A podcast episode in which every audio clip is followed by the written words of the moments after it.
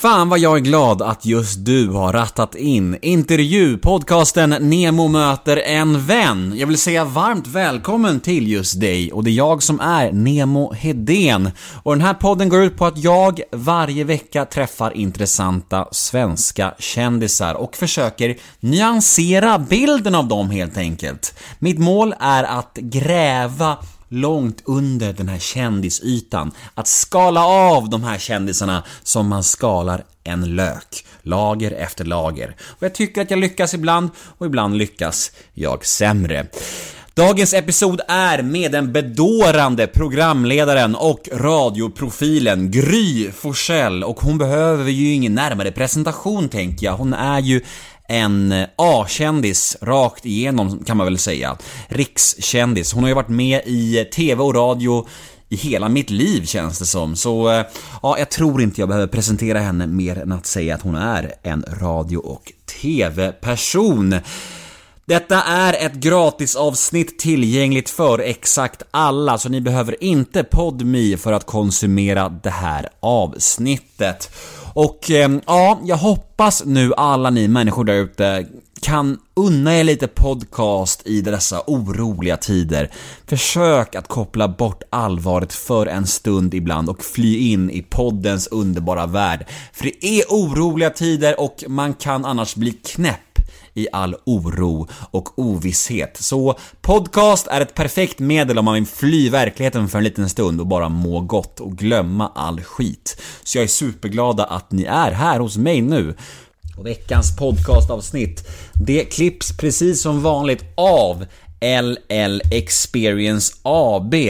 Och vill ni mig något, ja då finns jag på nemohedén gmail.com eller på Instagram, där heter jag kort och gott Nemo Hedén. Men nu ska vi nog sluta babbla, nu drar vi igång det här härliga samtalet med den förtjusande Gry Forssell.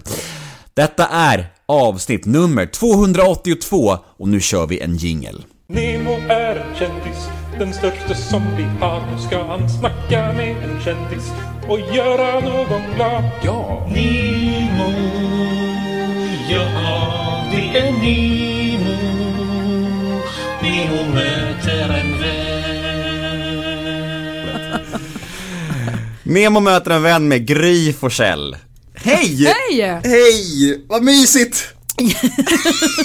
Välkommen höll jag på att säga, det är bara för att vi spelar in det här på mitt jobb så det känns som att du är gäst hos mig nu. Ja. Det blir ju lite förvirrat Ja kanske. men det är ändå härligt. Ja. Eh, varför skrev jag Gry Herminge?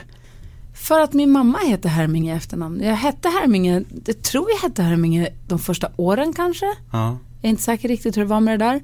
Men att heta Gry på 70-talet i Luleå var man väldigt ensam om. Det var alltid så här, Gry vad då är det en förkortning för? Vad heter du egentligen och hur stavar du det då? Och dessutom då heta Herminge som ett konstigt efternamn. Det blev lite too much. Mm. Så då eh, la vi till tror jag när jag var några år Charlotta som är ett sånt mellannamn som har gått på min mammas sida som alla heter. Och så Forsell från pappa. Ja, grymt. Du, ehm, hur mår du så här i, ja, vad är vi, början på 2020? Hur är prognosen av det här året so far? Lite tveksam ser det ut. Ah, Ja, nej, Inte nej, men- jättepepp. Nej, alltså jag måste säga hela hösten 19 och vintern 2020 än så länge har varit, alltså så här. I den privilegierades värld, men är som jag ja. peppar peppar har förmånen att få befinna mig i, så har jag har det toppen. Alltså på det stora hela så har jag det toppen. Jag har världens roligaste jobb och fantastisk familj och är lyckligt gift och har gulliga barn och jag har det jätteroligt. Men det har bara varit så här små, du vet, så här, y- yttre saker som har varit så här, uh, jag bröt nyckelbenet i, i november. Det läker inte. Så jag har gått med brutet, det är fortfarande av. Och jag tror att det är så här, tar lite på. Det, även om det inte gör så jävla ont längre så kroppen ägnar så mycket energi åt att vara trasig tror jag. Så det har varit, sen så var det lite så strul med häst, ja, häst, vilket också är jävligt lyxigt. Det är det värsta som finns är folk som har det bra som sitter och beklagar sig, eh, tycker jag. Så det är ointressant att lyssna på. Men du vet hästarna har varit, det har varit lite, någon skada här och långa bilturer till hästkliniker där och du vet, långa, lite sådär. Det- Så tycker jag det var ett pissväder också så att man var lite så här, ah. Du får gärna så här, "Buh, börja om nu. Så. Alltså jag tycker att det är ganska Förstår jag menar? deppigt. Ja, jag förstår exakt vad du menar, men det är ganska deppigt att du måste brasklappa liksom och säga så här: jag vet att det är lyxproblem, men det här är mina problem. För annars fast om du det inte är ju säger inga det. riktiga Nej men problem. såklart inte det är det. Men, Det är men inte att, riktiga problem. Nej, såklart inte det är det. Jag är lite trött. Men det är alltså ändå... det är mitt värsta. Ja, Är inte du trött som jobbar tidigt på morgonen? Jo, men sen då? Det är helt ointressant att prata om. Ja. Jo men det är lite samma som att säga så här, ja men rika människor kan inte ha ångest. Det är så här, det är ändå i samma spann på något sätt. Jag tycker att, att, att ens problem är ju alltid ens problem liksom. Och du mår dåligt över det här uppenbarligen, då är det okej tycker jag. Jag Så tycker må, det. alltså definiera må dåligt. Alltså jag mår ju inte skitdåligt egentligen. Nej. Jag tycker bara att så här, det är lite, den här vintern har varit lite segare än andra. Men jag mår absolut inte dåligt. Mm. Okej, ja men då, Alltså då, då är jag menar? med. Då är jag med. liksom, ja. Då köper jag helt. Ja. Ja. Eh, Men okej, men hur ser prognosen ut för resterande år då? Vad, vad, vad kommer hända? Förutom... Uppåtkurva. Ja visst är det så. Ja, men... Härligt. Mm. Känns lovande. Ehm, hur ser prognosen? Nej men nu blir det ljusare och varmare och finare och nej, men det ser bra ut tycker jag. Du kommer tuta på med, med radion och, och sommarkrysset och... Ja. är, ja. Som det ser ut, ja. ja. Det kommer jag absolut göra. Är det lika kul då att göra de här två grejerna år efter år? Eller kan du känna så här, fan jag skulle vilja byta riktning och prova något nytt? Eller, eller, eller, eller blir det som ett nytt jobb när ni sätter ihop en ny konstellation i morgonradion till exempel? Eller? Mm, det blir som en helt ny grej. Alltså radioprogrammet känns jävligt organiskt och dynamiskt och jag tror vi ändrar mycket mera saker och jobbar med mycket mera saker än vad som kanske hörs i radio, vad som ska höras i radio också. För förhoppningen är att man ska känna sig trygg och hemma och att man ska känna igen sig i morgonprogrammet även om det är massa förändringar. Men vi jobbar skitmycket med förändringar och det blir en helt annan gruppdynamik när man, alltså det räcker med att en person byts ut så blir det någonting helt annat och så ändras alla rollerna och så ska man anpassa sig efter det. Så, den, det tycker jag, där händer grejer hela, hela tiden. Då tycker jag snarare att nu får det gärna vara som det är. Precis som det är, länge. Men generellt sett också, så jag har märkt att jag trivs, trivs nog som bäst i alla program och projekt som jag gör med säsong två eller tre. Alltså, säsong, alltså först när man har premiär för någonting helt nytt. Det har ju sin charm och sin tjusning och det är kul om man gör något nytt. Men det här att man famlar sig fram lite och ja, men tänk på när du började med den här intervjuserien. Så här, hur du lät då eller hur du kände då eller hur du tänkte då. Men när du har gjort hundra intervjuer. Skönt det, eller hur? Du vet hur det brukar gå till, du kommer med dina grejer, ni, du vet, du har din, det känns, man kan, man kan vara i sitt program på ett annat sätt. Som jag tycker är dö, härligt. Man kan liksom vila i programmet och man, ha- har det med, man är i programmet själv. Då tycker jag att man blir som bäst också. Eller jag blir som bäst i alla fall då. Så det tycker jag är kul. Du, jag har varit nyfiken angående en grej när det gäller den här eh, ja, men konstellationsskapandet av morgonradio, när ni sätter ihop en, en ny squad, när man säger, så- om man säger så. Ja. Eh, Det är ju inte jätteofta, men det händer ju. Och, och hur delaktig är du i den processen? Vem, vem som ska in liksom och vem som ska ut? Vem som ska ut, är inte alls höll jag på att säga. Alltså, det har ju varit det har ju, kom, det har ju blivit så av sig själv så att säga. Det, när Adam slutade 2011 så det var ju för att han skulle gå till TV3. Och sen så, och nu senast så Malin slutade för att hon skulle börja göra mer TV och göra Bachelor och vara borta under långa perioder och sådär. Åh nej, Hansa är senast nu. Ehm, så att, men sen så vem som ska in, det är ju viktigt. Där vill jag gärna vara en stor del för att, ja, men för att jag varit där så länge nu. Och det handlar, man har spenderat sina fyra sköraste timmar med de här personerna. Och det är viktigt för, alltså det är viktigt för alla att det är bra personkemi. Det är från sex på morgonen till klockan tio varje dag. Då vill det fan till att man lirar. Och då är det kanske inte alltid den kändaste eller den, alltså, det har, alltså personlighet och personkemi är superviktig. Och viktigt att det funkar. Och det kan man ju jobba på om man kan hitta liksom, men olika arbetssätt i det då. Ja, men så vet- det är ju viktigt. Men det här vet man ju inte, oftast inte innan tänker jag. Det här, har det varit så att, att folk får testa ett tag och sen känner ni, nej det flög inte, vi provar en annan eller? Ja, så har det ju varit. Så blev, det du- blev du obekväm nu? Nej, jag är lite, nej men det var ju så jävla rörigt där när ehm, Ja men för just när Adam slutade 2011 då hade vi gjort programmet i sju år. Då var det först Adam och jag som, Adam fick ta över programmet från de som gjorde det innan och så frågade han mig om jag vill vara med. Så det var Äntligen morgon hette med Adam och Gry. Och så var Anders Timell med och gjorde sporten, fem minuter varje dag. Och sen så var han med en tio minuter varje dag, sen var man en halvtimme varje dag, sen var man en timme varje dag. Och sen på slutet så var det vi tre ju som gjorde programmet tillsammans. Så slutar Adam. Och då blir man så här, hur gör vi nu då? Och så försökte vi hitta någon som skulle ta över Adams plats och roll. Och frågade alla möjliga som jag, du vet, som jag kan tänka mig att man ska hänga med varje dag. Någon som man tror skulle kunna vilja göra det. Och det är svårt också att hitta någon som, för det handlar om att man måste dedikera sitt liv, sitt, sitt arbetsliv åt det här. Det är inte, du kan inte göra det här jobbet och ha två andra heltidsjobb eller turnéer eller, alltså det, man orkar liksom inte. Man måste, det, är det här man gör då. Det- Lite därför också som du och jag, vi har skjutit upp det här mötet så himla länge. För att man hela tiden, du vet, man hittar liksom inte plats eller tid eller ork så där, för man måste ju göra bara det här. Eh, och då kom ju Claes Åkesson in i bilden. Och det gick ju ganska fort. Jag tror han var med i sex veckor kanske, eller sju veckor. För jag tror inte riktigt han hade förstått vad det innebär. Dels bodde han i en annan stad, vilket ju var lite problematiskt. Men också att det blir ganska personligt typ av radioprogram också. Man pratar mycket om sig själv och vad man tänker på och vad man tycker och hur man mår. Och, alltså vi är ganska öppna. Så. Han, det var inte riktigt hans melodi. Så då slutade han ganska snabbt. Och då stod vi igen där och bara, vad fan gör vi nu då? Men då kom, då var det, jag tror det var jag och David Helenius som pratade om det. För David var här och hängde med oss ganska mycket då och hjälpte oss att vara med. Och så pratade de om det att fan, vi, istället, om vi nu inte hittar en person som kan vara med oss fem dagar i veckan. Då kanske vi kan hitta en som kommer in varje måndag. Och en för varje tisdag och en för varje onsdag. Och en torsdag och fredag då. På den tiden då, det var ju helt, ingen hade gjort så. För att det skulle, morgonradio ska vara tre personer. Ett manligt ankare, en kvinnlig sidekick och sen en tokstolle. Det var så allt, det alltid skulle se ut. Liksom. Det var formulär 1A för hur ett morgonprogram ska göras. Och då kommer vi in här och bara, men vänta nu, jag har ju suttit här i sju år. Kan jag kanske vara ankare? Kan man ha ett kvinnligt ankare? Kan man, nej, det kan man inte ha. Du vet, då börjar de diskussionerna. Det har man inte, det har ingen någonsin gjort för. Det kan vi inte göra, det är inte bra. Eller, och sen så kan vi ha in en person för varje dag. Nej men så kan man inte göra, det blir för förvirrat. Det måste vara samma tre. Och fightades för detta ganska mycket. Och fick igenom det till sist. Då började vi med, då kallade vi det lite skoj, skämtsamt för Superfemman. Och det var då jag lärde känna Micke Tornving ordentligt, som vi pratade om tidigare. Ehm, för han, han, var, han var med en dag i veckan och så hade vi, då David var med en gång i veckan och så Pet, eh, jag kommer inte ihåg nu vilka vi hade, ha, hade då precis. Men att vi hade en fast kompis för varje vecka, för, för varje dag. Och det konceptet håller vi fast vid nu, fast nu är vi många fler. Då var det bara jag, Anders och den här kompisen. Men sen så har det då modellerats om lite grann under åren. Och nu tittar jag på andra morgonshower och så lustigt nog så varje fredag tittar den här in i våran studio och här har vi vårt programs kompis, vår fasta kompis som kommer in en gång i veckan. Eller du vet, det känns som att det gav lite ringar, lite ringar på vattnet. Det måste kännas bra ändå att ni gick i bräschen för det här och folk har tagit efter. Både bra och lite irriterande. Ja, jag förstår det, jag förstår det.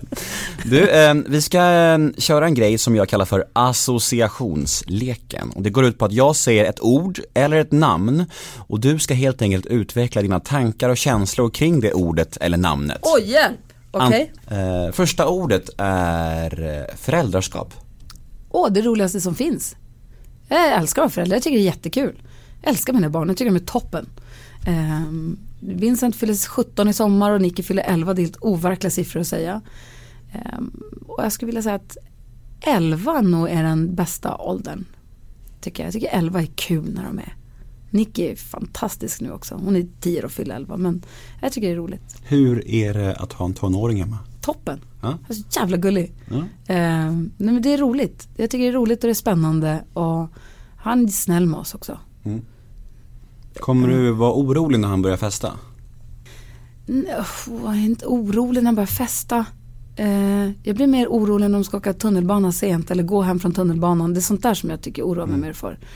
Eller att någon, ska, någon, ska, någon annan ska det är inte så, nej. så jag är ju medveten om att jag vet ju ungefär hälften av vad han gör. Och att om hans kompisar hör det här så hånskrattar de säkert. Men det må då vara hänt.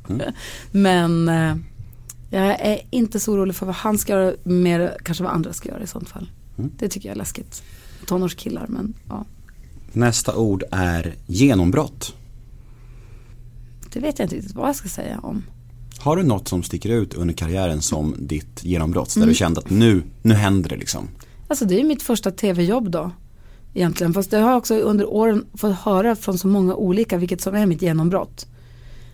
Ett tag så sa alla att ja, men silikon var ditt genombrott. Och sen så var Sommartoppen var ditt genombrott. PM, nu jobbade i Växjö var ditt genombrott. Byhåla var ditt genombrott. Men folk. vad känns det för dig då? Eh, ja men då ska jag säga PM. Jag, började, jag flyttade från Luleå till Växjö 92. Packade min lilla bubbla, körde till Växjö. För att jag hade fått jobb på tv. Ingen, alltså jag visste ingen som jobbade på det. Man jobbar liksom inte på tv. Det är helt overkligt. Jag tänkte att det här gör jag ett halvår kanske. Och sen får jag plugga på komvux och bli något annat. Eh, men då började jag jobba, då var jag programledare där. Och då fick man ju fanpost och tittarkontakter och men, jobbade på ett tv-jobb. Borta från all flärd och glamour i och med att vi bodde i Växjö och jobbade som as. Men det var jättekul. Men det ska jag säga. Så det kom väl då 92. Barndom? Mysigt, ska jag säga. Med Luleå, flyttade till Luleå när jag var fyra, typ just hade fyllt fyra. Jag gillade det. Fiktionsfri barndom? Ja, det måste jag säga. Ja, skönt. Ja, verkligen. Ja, att det finns sådana människor också. Känns som att alla har massa trauman från barndomen som har format dem så mycket. Ja, nej, inga trauman. Nej, men du, du utstrålar ju ändå Alltså om man får säga så, nu känner inte jag dig, men du utstrålar ju att du är en ganska harmonisk och ångestfri människa. Stämmer det? Ja, Ja. alltså jag, harmonisk är inte så, ja men det ska jag nog säga. Ång, jag har ju nog aldrig haft ångest, förlåt, stolen som låter. Eh, ångest har jag nog aldrig haft. Jag har väl varit st- stressad eller ångrat saker jag har gjort eller jag kan också få du vet höstdepp. Men jag tycker att en del kan vara lite ivriga på att spela ångestkortet ibland. Jag kan tycka att ångest, för mig- det är också vad man laddar ordet ångest med. Jag tycker folk slänger sig lite med att kokettera lite med att de får ångest. För en det ena och en det andra. Och de man har ångest för, och då känner jag att man kanske devalverar ångest lite. Ja, det blir ju att man indirekt förminskar folk som verkligen har problem på något sätt. Alltså ångest för mig det är att man inte kan kliva upp, att man inte kan fungera, att man behöver hjälp nu eller att man liksom mår svin dåligt. Inte bara att så här, åh, jag är alltid sen, jag får ångest. Nej men, ja. Nederlag. Ehm, vilken är din största motgång i livet? Har du någon sån här, det här gick ju åt helvete. Kanske privat eller kanske i yrkeslivet. Mm, nej, alltså jag har jobbat med tv-program som inte har gått så bra och som inte har varit så roliga att jobba med. Men jag skulle vilja säga att de programmen är nog de jag nästan har lärt mig mest av. Så jag skulle inte vilja vara utan dem. Det är de här gångerna när man står och tänker, men vad fan blir det här? Eller vad vart det nu? Vad är det här? Vad gör vi ens? Eller hur det funkar inte i organisationen eller, vad, eller liksom redaktionen eller vad det kan vara. Den erfarenheten vill jag inte vara utan. Så att jag höll på att säga välkomna nederlag men det var ju fel att säga. Jag vill inte gärna ha dem men jag vill inte vara utan dem. Nej men du som har så många program i bagaget och både succéer och ja men nederlag om vi nu ska kalla det så. Alltså, vet man någonsin innan vad som kommer flyga? Eller är det alltid en överraskning av vilka program som går hem hos folket? Nej för mig är det en överraskning. Jag har ingen aning. Nej det där är ju skitsvårt för när man är i det och planerar och ska göra program då tror man fan det här blir svinbra. Det känns ju döbra det här. Och så, så mitt i kanske man bara känner att vad blir det nu då? Roligt. Alkohol. Eh, Då tänker jag direkt på vin. För att Alex har precis gått sommelierutbildningen. Så det pratas mycket vin hemma. Så det är väl det jag skulle säga. Det är ändå samklang med din personlighet och har en väldigt oproblematisk eh, relation till alkohol måste jag ändå säga. ja det är, det är helt, helt okej, det är bara, det är bara bra. Jag tycker det. Det känns så dumt att säga trevligt när du säger alkohol trevligt. Ja men det får man väl säga. Ja men det det, är väl kändes så skitbra, alkat att säga alltså. på något vis. Men jag tycker det är trevligt. Nej men jag tycker det är skitbra Ja. om, om folk har en trevlig relation till det. Enjoy liksom. Ska vi se vad du svarar på det här. Oskulden. Jag tycker att oskulden är ett tråkigt ord för en sexdebut. Att man förlorar sin oskuld. Mm. Ska vi byta? Ja, Här idag så marknadsför vi ett nytt ord för oskulden. jag vet inte för det känns så himla gammeldags. Som att man var oskyldig, nu är man skyldig. Det är så skambelagt. blir det då. Svendomen då? Sve- oh, vad fan är det då? Nej, så det tycker jag vi kan byta namn på. Det är min spon, det var min association på det. Mm. Milstolpar. Jag skulle nog säga att jag var, hopp, tog en paus mellan ettan och tvåan i gymnasiet och åkte till USA. Och det var lite av en milstolpe därför att då kom jag på att jag måste ta tag i mig och bara så här, för där träffades många målinriktade människor som skulle plugga de ville bli något och de hade karriärsinställning och sådär. Det hade jag aldrig riktigt haft och då, jag bara fick tillbaka, jag var jävligt skoltrött innan, det var snarare det. Jag kände att nu, nu gör vi det här. Nu går jag klart gymnasiet, sen så pluggar jag upp mina betyg och så tar jag mig vid. Det gjorde jag nu aldrig, men jag fick den insikten i alla fall. Men sen ska jag säga, en sopig milstolpe du fick. Men okej, jag säger 92 då, när jag fick jobbet på tv i Växjö. För då fick jag ett jobb och flyttade och träffade massa vuxna människor, var yngst på jobbet. Bodde hemma hos min kusin Mattias, hans, nej hos min kusin Kristoffer hans kompis Mattias. Delade lägenhet med dem. De gjorde lumpen på Gotland på veckorna, så kom de hem och röjde på helgerna. Det var skitkul. Och så jobbade jag i Växjö. Så det var en milstolpe. Jag kommer ihåg första gången jag gick och storhandlade, det kostade tusen kronor. Hade aldrig betalat så mycket pengar i mataffär hela mitt liv innan. Du vet, gör massa vuxengrejer så, det var kul. Det är alltså 30 år sedan. Ja men käften, jag vet. Jag har jobbat som programledare, i, det här är mitt fjärde decennium jag är inne på. Det är helt sjukt. Ja. Det är inte så många som har det. Alltså du måste väl ändå räknas in i den kategorin av de som har jobbat längst nästan, som är aktiva också nu, eller?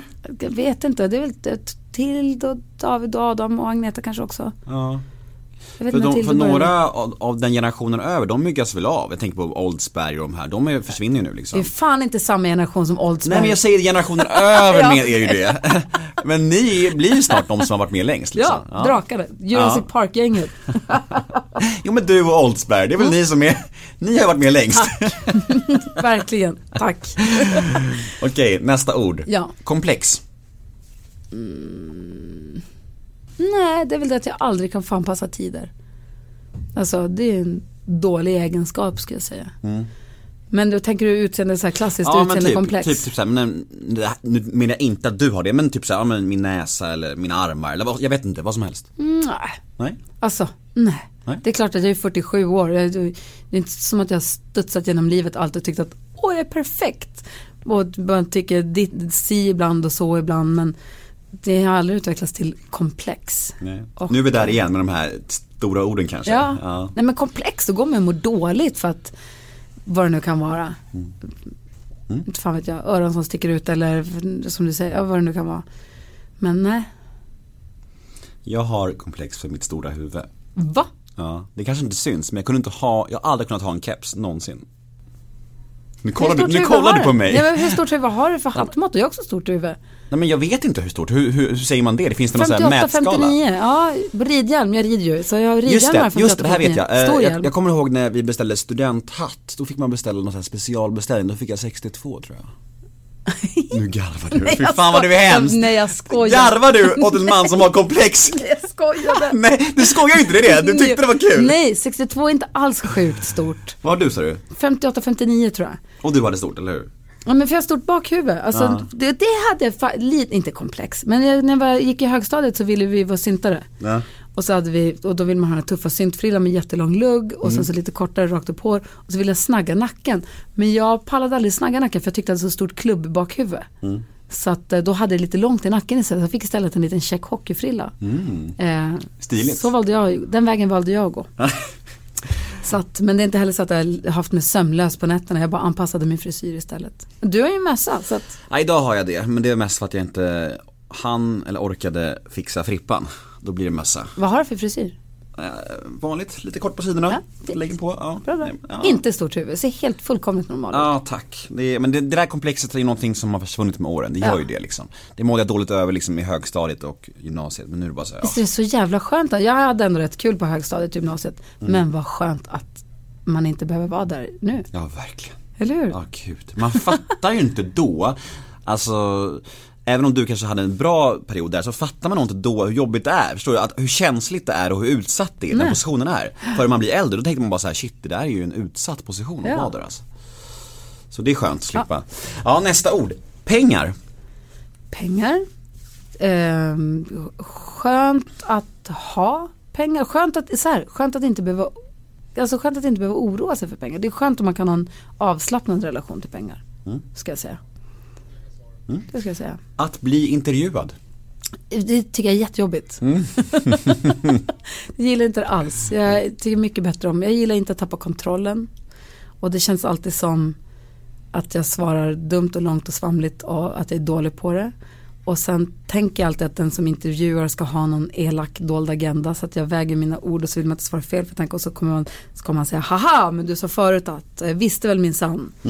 Och så sitter man där och säger men det var inte så jag menade, jag sa bara att så att jag känner, jag blir alltid dålig i intervjusituationer för att jag svarar dumt i rädsla för att svara dumt. Men känner du dig trygg nu då? Nej, Nej, okej. För du sa innan så här, innan vi satte på inspelningen här så sa du att din polare Micke Tornving Ja. hade talat gott om den här podden. Ja. Om mig. Och då blev jag väldigt glad. Och då tänkte jag så här, vad hade du gjort om han hade sagt så här, nej det där är inget bra, det ska du inte göra. då hade jag bokat av. Du hade gjort det? Då hade jag sagt förlåt men jag hinner inte. Visst är det så? Ja, ja.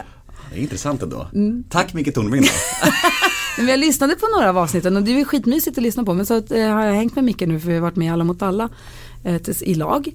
Eh, och vi hänger här på radion också på Mix Megapol. Eh, och då så lyssnade jag lite grann på hans avsnitt också men jag hann inte lyssna så mycket. Och då så frågade jag Mm. hur det var. Då sa han, åh han är så himla snäll och har gjort research och han är duktig. Det var bara en sån snäll kille, så mysigt. Mm. Tänkte perfekt. Gud vad kul. Jag blir så glad, det där värmer mitt hjärta. Ehm, nästa ord på den här lilla, lilla listan är integritet. Integritet tycker jag om folk som har. Och det är väl viktigt tror jag. Har du en tydlig gräns med vad du pratar om och vad du inte pratar om? Eller kan det smälta ihop ibland? Nej, men det kan absolut smälta ihop och så vet jag inte riktigt. Och det är också svårt med det som det radioprogrammet vi gör. Man pratar mycket om sina egna relationer, både med vänner och med Alex eller familjen, barnen. För det tänker, för jag försöker tänka på i och med att jag jobbar med det jag gör och ibland pratar man i offentliga sammanhang. Att jag försöker värna om andras integritet. Jag sa någon gång, alltså då på dinosaurier på Djura-tiden, när jag var ny i tv-branschen. Så uttalade mig någon gång lite slarvigt om att ja men jag har minsann varit otrogen mot massa killar i mitt liv. Eller du vet, sa så här dumma grejer. För att, inte vet jag, man hamnar i någon jargong med någon intervjuare eller vad fan det nu kan vara.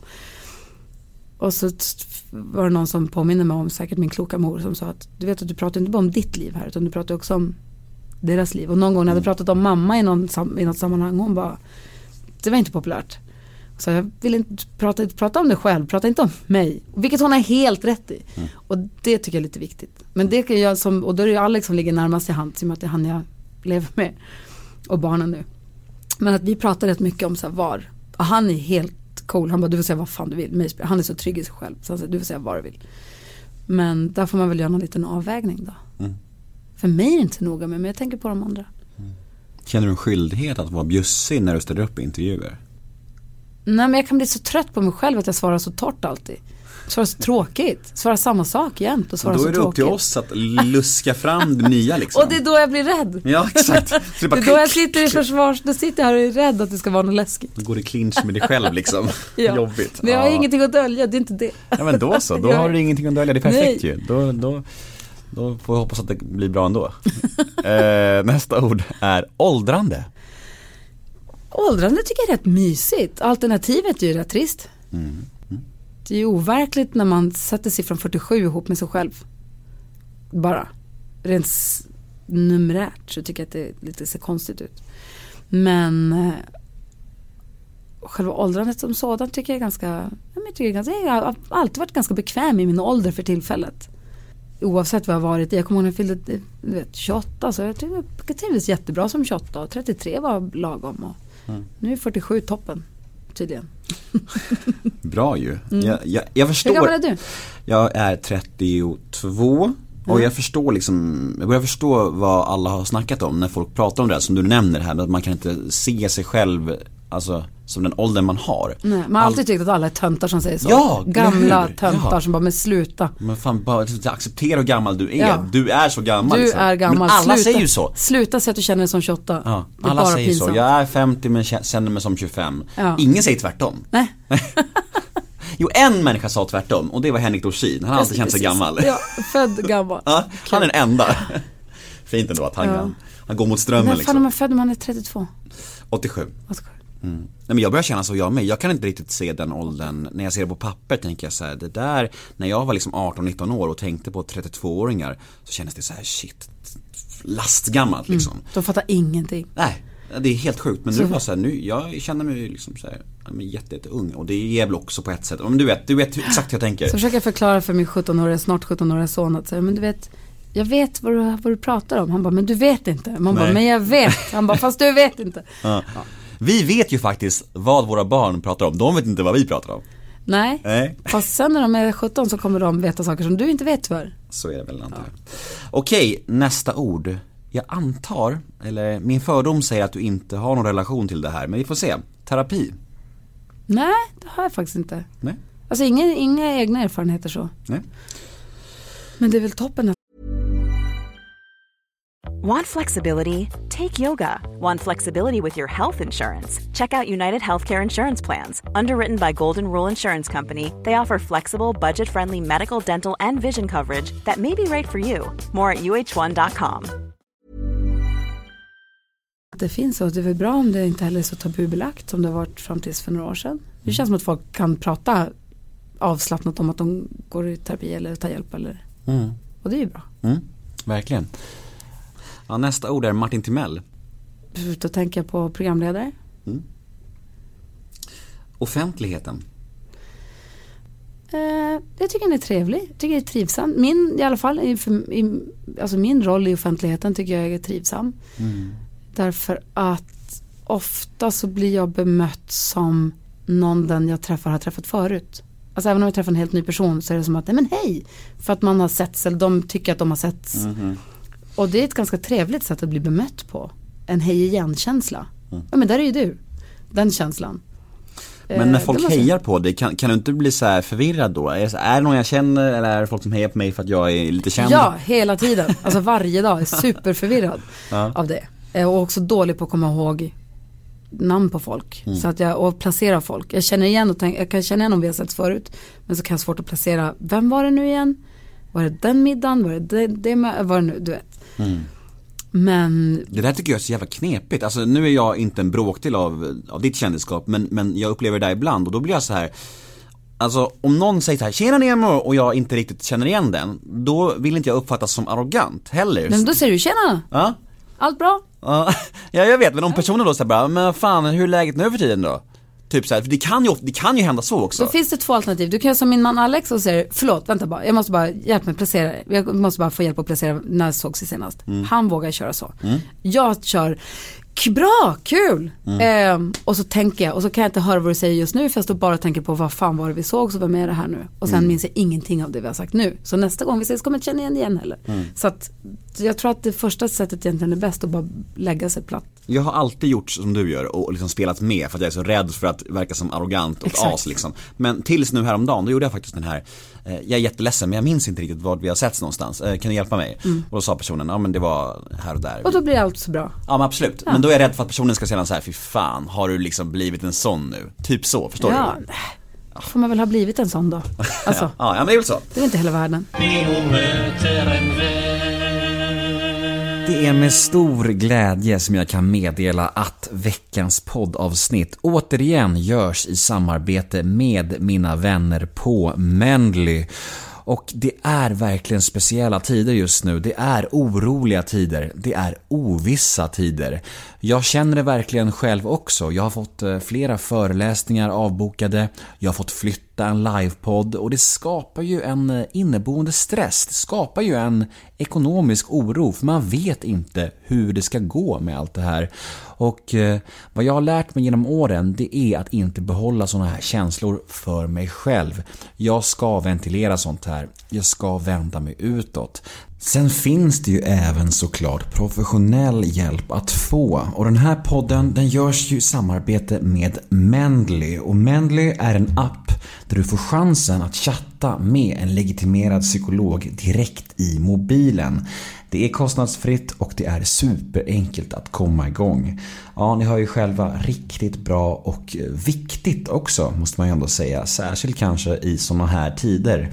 Så om ni också behöver någon att prata med så tycker jag absolut att ni ska testa det här.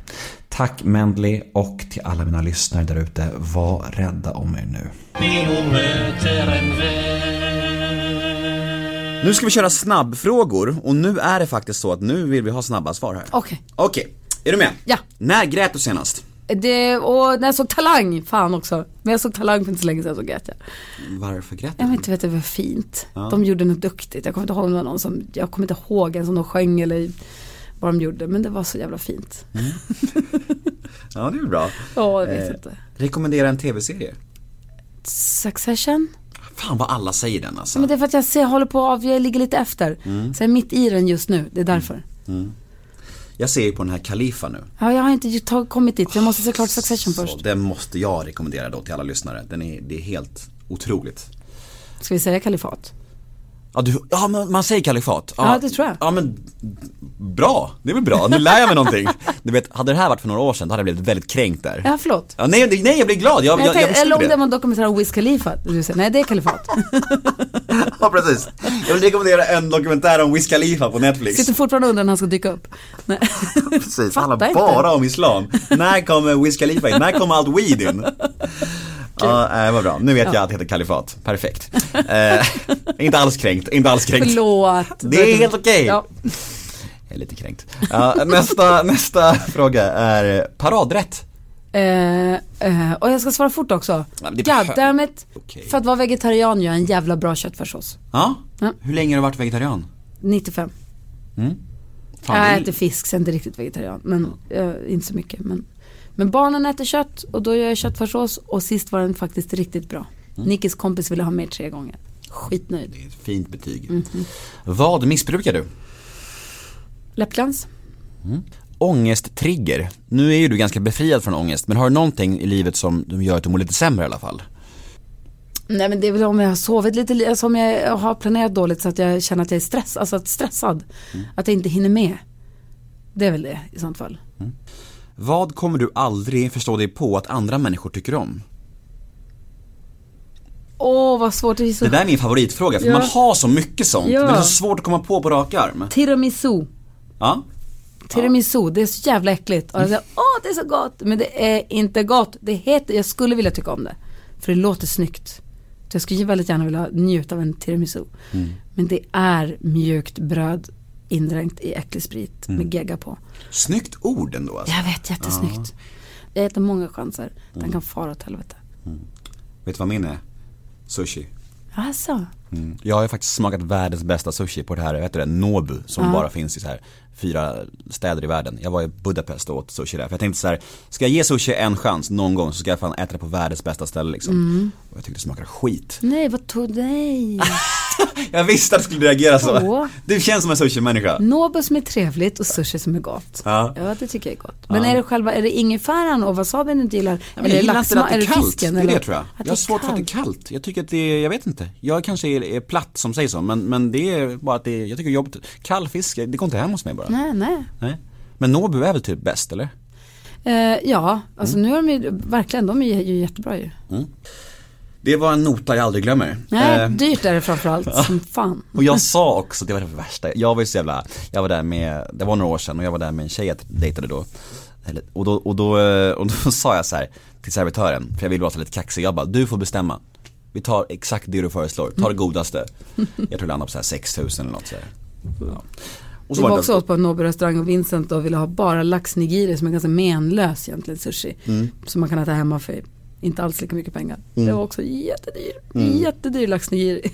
Det värsta är då, efter den, när notan kom in på 6000 så var inte, så, och jag var inte ens nöjd. Jag bara såhär, ah, okej jag kunde fått en kebabtallrik för 100 spänn. Fan. Verkligen. Ja, ja nästa.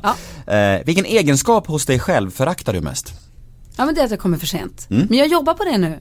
Det var förra nyår så lovade jag mig själv att nu ska jag försöka skärpa mig. Nu ska jag försöka passa tider. Jag ska försöka, jag ska försöka vara hon som kommer fem minuter innan. Dit har jag inte kommit. Mm. Men jag är åtminstone mer i tid nu än förr. Men hur är det då inför andras tidsoptimism? Om någon annan kommer sent, kan du ha mer förståelse för det då? Eller är du så här? Ja, ja. ja. Men jag har också en av mina bästa kompisar, hon kommer alltid i tid. Alltså hon är alltid, hon är så himla punktlig. Hon är alltid fem, hon är fem minuter innan jämt. Hon får alltid sitta och vänta på mig och då känner jag mig så dum och dålig. Så nu ska jag försöka, nu har jag bestämt att jag ska försöka skärpa mig. Och det är också rätt, eh, mm, vet du det, tillfredsställelsen av att komma till ett möte med någon. Två i. Alltså man känner sig som en miljon. Små pling plong, hej hej. Istället för att komma fem över lite, förlåt, ska bara här och så av med jackan och sätta sig. Det är ju osnyggt. Så jag försöker verkligen. Bra. Det är få saker som är så irriterande som människor som kommer sent. Så det, Ja. det hedrar dig att du försöker bli bättre. Du var ju 10 i nu här, du var ju jätteduktig. Ja men jag är alltid tidig. Ja. Alltså jag är aldrig sen. Oj då. Nej men jag, jag, jag vet inte, jag tycker det är viktigt alltså. Ja. Eh, jag blir jätteirriterad när folk är sena. Jag vet inte vad det är men jag tycker att det är Därför att innerst inne vet du att det handlar om prioritering. Så är det. Och respekt. Det känns respektlöst. Ja. ja. Jag har haft så här, jag tänker inte nämna någon namn, men jag hade en poddgäst som liksom så här Alltså 45 minuter efter utsatt tid hos mig då ute i Västerort. Så smsade hon och bara så här, jag är på tunnelbanan ut nu. Man bara, men vi skulle ses för 45 minuter än, sen. Och tunnelbanan tar typ 20 minuter. Så det blir som timme sen, jag ska hämta mitt barn om en Jag var en på väg att säga Pernilla Wahlgren, men hon åker fan inte tunnelbana. Vem var det? Ja, jag, jag, jag, kan, eh, jag kan säga, det var Jaså? Det får vi bipa. Ja. Hon säger också själv, det är hennes stora problem. Alltså, Med en timme, alltså jag pratar tio minuter. Ja, jag En vet. timme, det är ju katastrof. Ja det är knäppt. Det, jag, Då jag, förstör man ju någons dag. Då har man ju, det, det är ju, det är ju respektlöst. Nej men jag sa också det, jag sa så det här är liksom inte okej, jag har liksom barn att hämta, det kan inte Ja. göra så. liksom så här. Och, och, och hon fattar ju det, hon har ju tydligen gjort samma sak hundra gånger men ja. Nej, Nej, dåligt. dåligt. Men hon verkar härlig ändå. Men verkligen. Det är störigt också, synd att man inte bara får ogilla. Eh, vad lägger du mest pengar på? Hästar. Det är inte billigt att ha häst. Nej, om man vill, vara garant, om man vill försäkra sig om att man varken blir rik eller utvilad så ska man ha häst. Ehm, så det skulle jag nog säga. Mm. Det kostar pengar. Men det är kul. Vad tror du andra tänker på när de tänker på dig? Och då menar jag både som offentlig person och som kompis. Oj vad svårt, jag har ingen aning. Eh, vad tror jag andra tänker på? Det där vet jag inte. Ja, gud, jag vet inte. Vad tror du? Eh, Jag känner inte dig som kompis. Nej. Eh, Men jag kan ju säga som offentlig person tror jag att folk tänker att du är Så ja, men- Jobbig, klatschig, lite för... Jag ska alltid så skratta. Ja, nej Lite men här lättsam. hysterisk. Glad och lättsam och som jag sa innan, min fördom var ju ångestfri. Och, Ja. här, och ganska så här, men alltså trygg. Att du mår bra liksom. Det tror jag många tänker Ja, det är ju härligt om folk känner så, så att det känns... Jag vet inte. Och grejen är att bara för att man mår bra, det behöver inte göra att en människa blir ointressant och platt. Det är inte, inte samma sak. Många tänker ju så att, ja men vadå, det måste vara mörker för att vara intressant. Det tycker jag är lite uttjatat. Jag tycker inte det. Alltså av mina intervjuer att döma så känns det som att Alltså man kan ha lika bra intervjuer med folk som inte har massa skit liksom, tycker jag. Ja. Eh, men, eh, Och som kompis vet jag inte. Jag hoppas att folk tänker att jag... Vad var, du, vad var frågan exakt? men hur, vad du tror att andra tänker på när de tänker på dig? Det vet jag inte vad de tänker. Gud vad svårt att säga. Det känns, som, det känns så himla självförhärligande på något vis. Jag får ringa Adam. Ja, eller ja. Nu har inte vi hängt på väldigt länge. Så du får... Jag vet inte riktigt. Vem är din eh, bästa kändiskompis? Alltså av alla de som är A-kändisar, vem är du närmast? Gud, jag har inte så mycket kändis... Alltså... Jag delar inte riktigt in min vänskapskrets i kändiskompisar och inte kändiskompisar. Nej men, jag, men, men vi säger så här då, du, du fyller 50 Ja. och du ska ha en fest för 50 pers, Ja. säger vi. Ja. Vilken, vilken är den kändaste gästen? Eh, då är det Axel Hedfors. Okej. DJ Axwell. Ja, ja men det fall. Precis, bra. Nu kunde ni svara på det, det var jättebra. Ja men och du, om du säger det så så. Ja, Ja, absolut. exakt. Ja. Eh, vad oroar du dig för mest? Nej men det är väl att någon, att man själv eller någon i min närhet ska bli sjuk. Mm. Det är väl det som oroar mig mest. Vad har du orimligt gott självförtroende inom? eh, jag ville nog säga mitt bollsinne. Jag, jag har nog tyckt att jag har bra bollsinne fast jag börjar, det börjar verkligen vackla nu Mm. eh, på sistone. Men jag, jag vill påstå att jag har bra bollsinne. Det är en jävligt kul, frå- det är jävligt kul fråga för man får, man får en bild framför sig när folk svarar någonting. Ja. Man, nu får man en bild framför dig när du typ så här, spelar fotboll och, och jag tror att du är bra men är typ helt kass. Nej men så är det nog. Min brorsa sa till mig, du är för fan bolldöv. Sa han en gång. Så att jag vet inte riktigt. Men jag är en jävel på att prata baklänges. Det är också bra självförtroende inom. Prata baklänges? Ja. Fan vad speciellt. Kan du inte visa exempel? Men du måste säga ett, bara ett ord i taget, inte en mening. Det funkar inte. Eh, du vet vilket långt ord som blir samma baklänges va?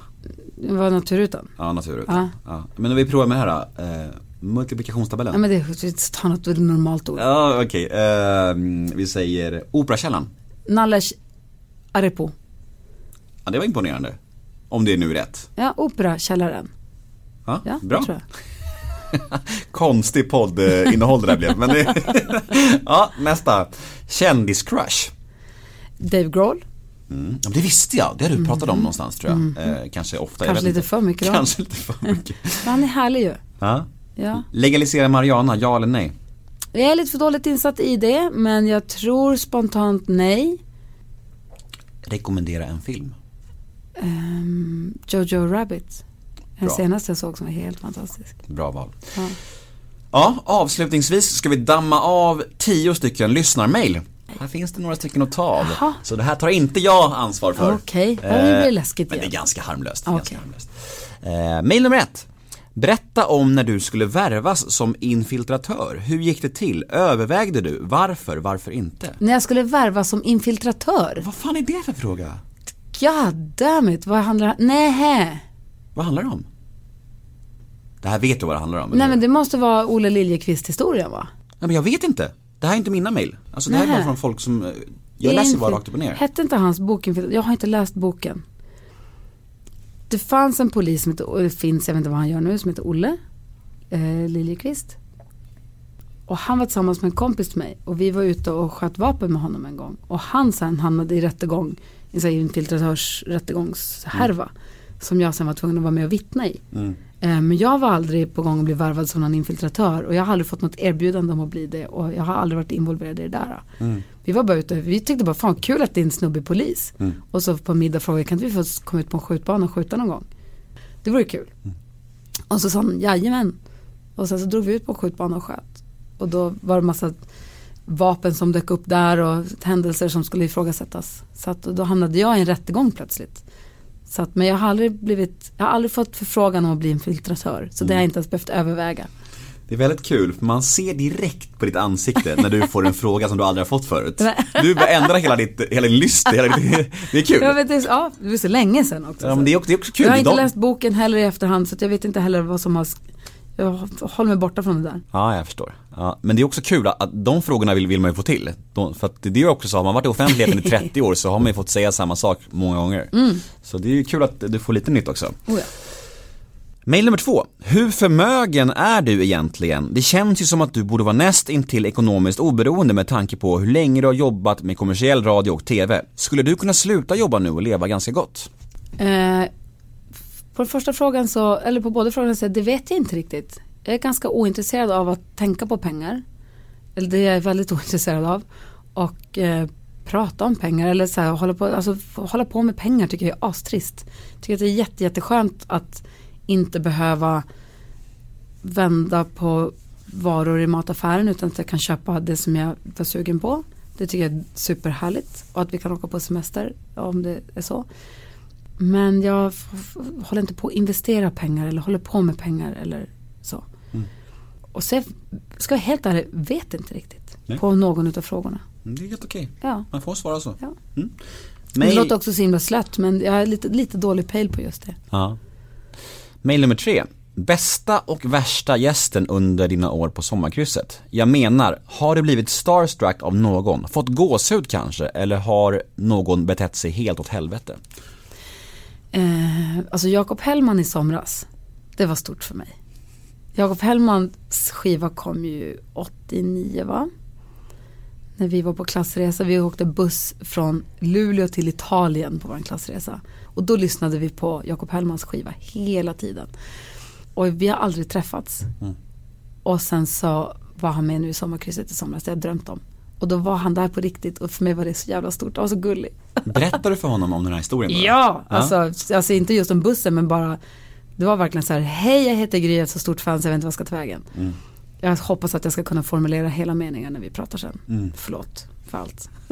Men eh, var inte du lite kluven då till att han till slut gjorde ny musik så här efter 30 år liksom? Nej, Bara glad? ja, Ja. bara glad. Ja. Och den där tycker jag är toppen. Så då blev jag riktigt starstruck. Ehm, Finns det något, eh, någon gäst som har varit helt kaos någon gång? Nej, alltså kaos. Nej, alltså Avril Lavigne, hon var som aldrig riktigt där innan vi repade och så helt plötsligt bara jag skulle på henne, man bara säger är hon ens här? Du vet, när hon inte ens, man vet inte ens om hon är på plats. Mm. Du har inte sett den ändå? presenterar man henne så bara plötsligt så dyker, för jag skulle prata med henne, jag skulle ställa två, tre frågor inför något reklambreak eller vad det var. Man bara, vad är hon ens? Mm. Så bara, whoop, materialiserades hon där. Så bara, hello, fråga, fråga. svarade nästan lite, lite mi, mi, mi, mi, mi. Och sen sa, okej vi ses snart. Sen så körde hon sin låt, sen försvann hon. Mm. Eh, det är ju inte jättefestligt. Nej. Men det var inte heller så att det ställdes till kaos. Nej. Det var någon, jag kommer inte ihåg, det var en, det var någon som, jag jobbade ju inte sommaren 2009 då när jag fick Nicky. Då var det någon, vem fan var det, om det var, nu vågar jag inte säga att det var Eros Ramazzotti. Det kanske inte var han, då känns det dumt att säga att det var Eros, men någon sån som han. Som ställde till lite kaos, som ingen fick se honom och de hängde upp, det skulle hängas upp skynken och det är därför det känns taskigt att säga att det var Eros om det nu inte Ja. var han. Men det du var kan ju brasklappa och säga att du inte vet det var någon sån Ja. som det var väldigt om sig och kring sig. Och det hade ändå varit lite samklang med den här italienska Man divan. hoppas ju att det var han. Ja, verkligen, verkligen, det gör man ju. Så vi kan säga så. Ställer till en jäkla röra. Ja. Ja, Lady Gaga var ju med henne och det var också så här som inte var med riktigt. För hon spelade på, i Kungsan innan. Så hon bara dök upp. Men henne hann jag åtminstone säga hej till innan. Mm. Och sådär. Hur var det Hon då? var, hon var cool. Hon var, det var precis början på hennes karriär ju. Eh, hon ser ut som att hon kom från en annan planet. Mm. Hon stod där i sina helt normala kläder och tittade på henne och bara, vad är det som händer? Lady Men- Gaga i sommarkrysset va? Eller hur? Det är tufft. Det är vi stolta över. Det förstår jag. Eh, nästa mail. Kan du sakna Norrland? Vad har du för relation till Luleå och Norrbotten idag? Mm, det kan jag absolut göra. Eh, vi har, min mamma bor där, jag har min bästa, mina bästa, några av mina bästa kompisar bor där. Och vi är där, vi köpte sommarställe där för tio år sedan. En timme eller en mellan Luleå och Kalix kan man säga, i skärgården där har vi köpt sommarställe. Så att vi, i början så var vi där fl- flera veckor varje sommar. Och bara gick och skrotade och mös. Nu har ju Alex börjat jobba på Grönan på somrarna. När han jobbar med konserterna på stora scenen. Och Vincent börjar sommarjobba på Grönan. Och så jobbar jag på Grönan. Så nu blir det lite svårare att få till ordentliga sommarsemestrar där uppe. Men jag älskar att vara där. Jag tycker det är superhärligt. Mm. Mm. Jätte, jättefint där. Och sen så får jag träffa mina polare och. Så att det, Mm. Nästa mail lyder. Berätta allt om när du spelade Bettan i Ronny och Ragge. Det är väldigt enkelt faktiskt. För jag var ju bara med i en scen en gång. Det där är en sån härlig eh, ett härligt missförstånd att jag var Bettan. Eller det var som en del säger att men du slog ju igenom i Ronny och Ragge. Det gjorde jag alls inte. Jag började jobba som programledare där i Växjö. Vi sände ju direkt på eftermiddagarna. Jag, Pernilla Månsson, Colt heter hon nu då. Jag, Pernilla Månsson och Per Dahlberg var liksom gänget som skulle göra eftermiddags-tvn, direktsändningar och vi hade musikvideor och faxa in till studion tävlingar och sådär. Samtidigt så gjorde Peter och Fred och Gila ett program där Ronny och Ragge då var med som en serie, som en humorserie. Och jag och Peter började dejta lite där på hösten. Och de skulle då spela in nya scener till Byhåla. Och så hon som spelade Bettan kunde inte, för det var något som skulle kompletteras i sista sekunden eller om hon var sjuk eller vad fan det var. Så då tror jag att Peter frågade första bästa och det råkade då vara jag i och med att vi hängde. Så han bara, kan du imorgon komma och vara Bettan en gång? Absolut, sa jag och gjorde Sveriges förmodligen svagaste skådespelarinsats genom tiderna. Lite så här nyförälskad, nervös, aldrig, du vet, superdålig. Och det klippet har nu då blivit att men du slog igenom i Ronny och Ragge, vilket jag som sagt inte alls gjorde. Little did you know, när du sa ja till detta, att du skulle få frågor om det i en podd 30 år senare. Roligt. Får du sluta pöka? Ja, exakt. Ja, det är Mail- det är roligt. Det är roligt. Mail nummer sex. Berätta om din relation till din farbror Johannes Brost och hur tog du hans bortgång? Jag säga, inte så mycket för han är ju död. Men Ja, men precis. Men det är väl förmodligen då förr. Förmodligen ja. Eh, okomplicerad relation med honom. Alltså, jag har inte hängt, jag har inte haft så mycket relation med honom. Han har ju bott i Stockholm, jag har ju bott i Luleå mest. Och i Växjö och så har jag inte bott här. Så han har ju hållit på med sitt skådespeleri. Så att jag vet inte hur mycket man hänger med sin farbror egentligen. Mm. Men eh, varje gång jag har träffat Johannes så har det alltid varit jätte, man blir glad av honom. Han alltså, man blev ska jag kanske säga. då. Han är, var ju en glädjespridare och så charmig och rolig som fan. Mm. Eh, Fick ju alltid ett rum glatt. Jag hade ju han som eh, gäst på min andra livepodd. Ah, Som, okej. som var typ, det här kanske var fyra år sedan, tre, fyra år sedan. Alltså det var precis i vevan eh, när han fick cancern. Okej. Eh, så, och grejen var att det var, han låg bara på en bänk backstage. Han låg bara, han var så trött och trött och, och, och Var det i samband med, med Let's Dance då eller? Ja men ja, precis. Ja. Alltså, och, och det sjuka var att han ingen visste ju varför, han- varför ligger han bara där? Han är så trött. Ja. Så här, och, och han bara, nej men jag, jag, är jätte, jag är jättetrött, jag måste vila om jag ska gå upp, orka gå upp på scen. Sen så gick han upp på scenen och, och var superbra gäst som, och du vet, slog på det och var superrolig och charmig och så här. Och sen bara, nej jag måste hem och sova. Och sen bara några, några dagar senare så, så läste man så här, ja, men, att han var, hur dålig han var liksom. Då fattar man ju, han var ju helt Ja, förstörd liksom. Ja, ja, visst. Men det är som du säger, han slår på det. Han har ju varit, han har ju varit känd i hela sitt liv och blev ju känd så himla tidigt ju. Mm. När det bara fanns en kanal. Så att han har ju varit folkkär hela livet och då tror jag också att man får lätt för att just slå på det och Ja, vara, ja, spela rollerna som sig själv kanske på sätt och vis. Mm. Men supergullig och fantastiska, mina kusiner som han är pappa till är ju fantastiska. Som underbar liksom, pappa och säkert kompis med sitt kompisgäng och du vet. Mm. Och min pappa han är ju supertajt alltså. Det är mer dem då förstås. Mm. Ehm, Är du tajt med din pappa? Aha. Ja. Ja. Ja. Eh, mail nummer sju, TV eller radio? Du måste välja. Att titta på eller lyssna på eller att göra. Att göra, såklart. Varför måste jag välja? Du måste välja. Ja men då väljer jag radion. Mm. Det, är hit, det är det jobb jag har gått till varje dag i 15 år. Mm. TV är mer man hoppar in på en produktion och gör det superkul. Jag vill gärna göra massa TV, tycker det är superroligt. Eh, och det är roligt med liksom allt ståhej runt TV. Det är mycket folk och det är pengar och det är alltså folk som stora budgetar och det ska göras och det ska, du vet. Det krånglas ju, TV är ju krångligare, vilket också kan vara lite roligare också. Det kan vara lite kul på sitt sätt. Men alltså radio är snabbare och inte lättare men enklare. Men som sagt också det som jag, det är mitt varje dag jobb. Det är mina kompisar här. Mm. Så jag ska säga. Berätta om din upplevelse av att vara med i Alla mot alla. Den är toppen. Jag tycker det är jättekul. Ja. Mm. Jag tycker att det är väldigt roligt med frågesport.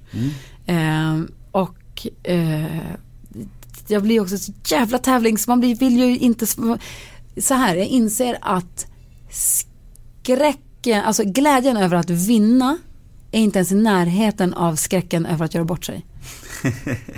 Ja. Man vill ju inte sitta där och göra bort sig, så gör man ju det förstås. Men det, men det är väldigt kul. Det är mycket roligare än vad jag trodde. Och sen tycker jag hela gänget i den tv-produktionen eh, eh, har överraskat mig så positivt också. Mm. Kul gäng. Det, det är ju så jävla lätt att veta svaret på alla frågor, både när det gäller Alla mot alla eller På spåret och sådär, när man är hemma i soffan. Ja. Men det måste verkligen vara en helt annan sak när man sitter där. Ja, Ja. alltså ja, jag är mitt i det nu också, säsong två. Vi håller på att spela in nu. Och jag vaknade här om morgonen med, jag kände hur min hjärna hittade på frågor till mig själv som jag också kunde svaret på. Hur sjukt är det då? Öh. Ja. Jag har sista inspelningen imorgon, det är jättenervöst. Ja, när det här sänds då har det nog redan sänds. Tror du det? Ja, jag tror det. Så att, eh, men det, det ska vi se på, absolut. Ja. Jag gillar det verkligen också, tycker det är svinbra. Eh, sista lyssnarfrågan och tillika poddens allra sista fråga. Jaha. Mm. Hur är det egentligen att jobba med en sån som Anders Timell? Man har ju hört så många stories om honom. Han känns ju ganska gränslös. Har du fått säga åt honom på skarpen många gånger? Berätta lite om er relation. Eh, min relation till Anders är väldigt ok. Jag gillar Anders jättemycket. Jag tycker han är snäll och rolig och fan den mest kvicktänkta människa jag träffat. Att göra radio med Anders är superroligt. Och vi, känner, varandra så väl också. Det räcker med en blick så vet jag var han är på väg. Oftast var han, han kan också sticka åt ett helt annat håll. Men jag vet oftast var han är på väg någonstans. Och kastar man en boll till Anders så får man alltid minst fem, kanske tio tillbaka. Så att det är verkligen superroligt. Ehm, och om jag har fått säga till honom någon gång på skarpen, absolut. Både i direktsändning och Alltså det har ju hänt massa gånger. Vi har ju Han kan ju, han kan ju säga det som han kommer på för stunden. Eh, och ibland så passar det inte i radio. Det har vi pratat om jättemycket. Så att det är absolut. Men jag tycker framförallt så blir jag glad av att träffa honom. Och jag tycker det är gla- glatt när jag får träffa honom nu. Mm. Så det är vad jag har. Det tycker jag. Ja, bra. Då är vi klara. Det var bra. Hur känns det här? Det känns bra. Mm. Mm. Du då? Jo, men jag är nöjd. Har jag sagt något intressant överhuvudtaget? Nej, kanske inte. Jag undrar, du har tatuerat Nova där på armen. Nu ska du få en till bebis när som helst. Ja, Har du planerat var du ska sätta nästa namn? eh, jag vet inte, vi får se. Nå- någonstans blir det väl. Men eh, hon ska heta Nomi. Nomi eller Naomi? Nomi. Nomi. Eh, vi ska stava det N-O-O-M-I eh, och uttala det N-O-M-I. Eh, Nomi. Så det blir Nova och Kan Nomi. inte stava N-O-M-I. Det ser så jäkla fin, finskt Ja. ut. Nomi blir det då. Nomi. Ja men det, ser- det ser inte lika nice ut. Eh, Så vi kommer nog stava det med dubbel O och uttala det Nomi. Ja. Nova och Nomi tycker vi är fint. Eh, Jag får tatuera det, jag vet inte, någonstans. Det finns väl plats någonstans tror jag, hoppas jag. Ja. Vilken var din första? Min första tatuering var, vad fan var det? Jo det var nog den här texten tror jag. På armen, det är en latinsk text. Det här är så jävla dumt. Alltså jag har, det står Nemo mi impume lassesit och eh, jag läste på internet att så här, det här, den här texten betyder eh, Ingen föds till en mästare. Jag tänkte så här: wow vad fint. Ja. Nemo betyder ju ingen på latin. Ja. Det, är, det är deppigt i sig. Men så här, ingen föds till en mästare. Och så tatuerade jag den här och sen så dubbelkollade jag sen så senare. Och så bara, det betyder, betyder inte alls det. Det betyder ingen provocerar mig ostraffat. Och jag är liksom den ofarligaste människan Aj. i hela världen. Ja. Så jävla dumt. Men det är så här, Locka inte med Nemo för helvete. Exakt, exakt. Och jag, ja, men det var på fyllan liksom och idiotiskt och sådär. Ja men du vet, det, det är ändå sammanfattar mina, mina stökiga år ganska väl. Kul. Ja, det är kul. Du, stort tack för att du tog dig tid. Ja, men tack själv, jag är så stressad över att du inte har din telefon. Tänk om hon ringer nu och föder barn. Ja, men jag får kolla det strax. Eh, du vet, barn, det är inte så viktigt. Det är viktigare med podcast. Nej, jag skojar bara. Podden är min bebis. Exakt. Tack för idag! Tack, hej! Hej!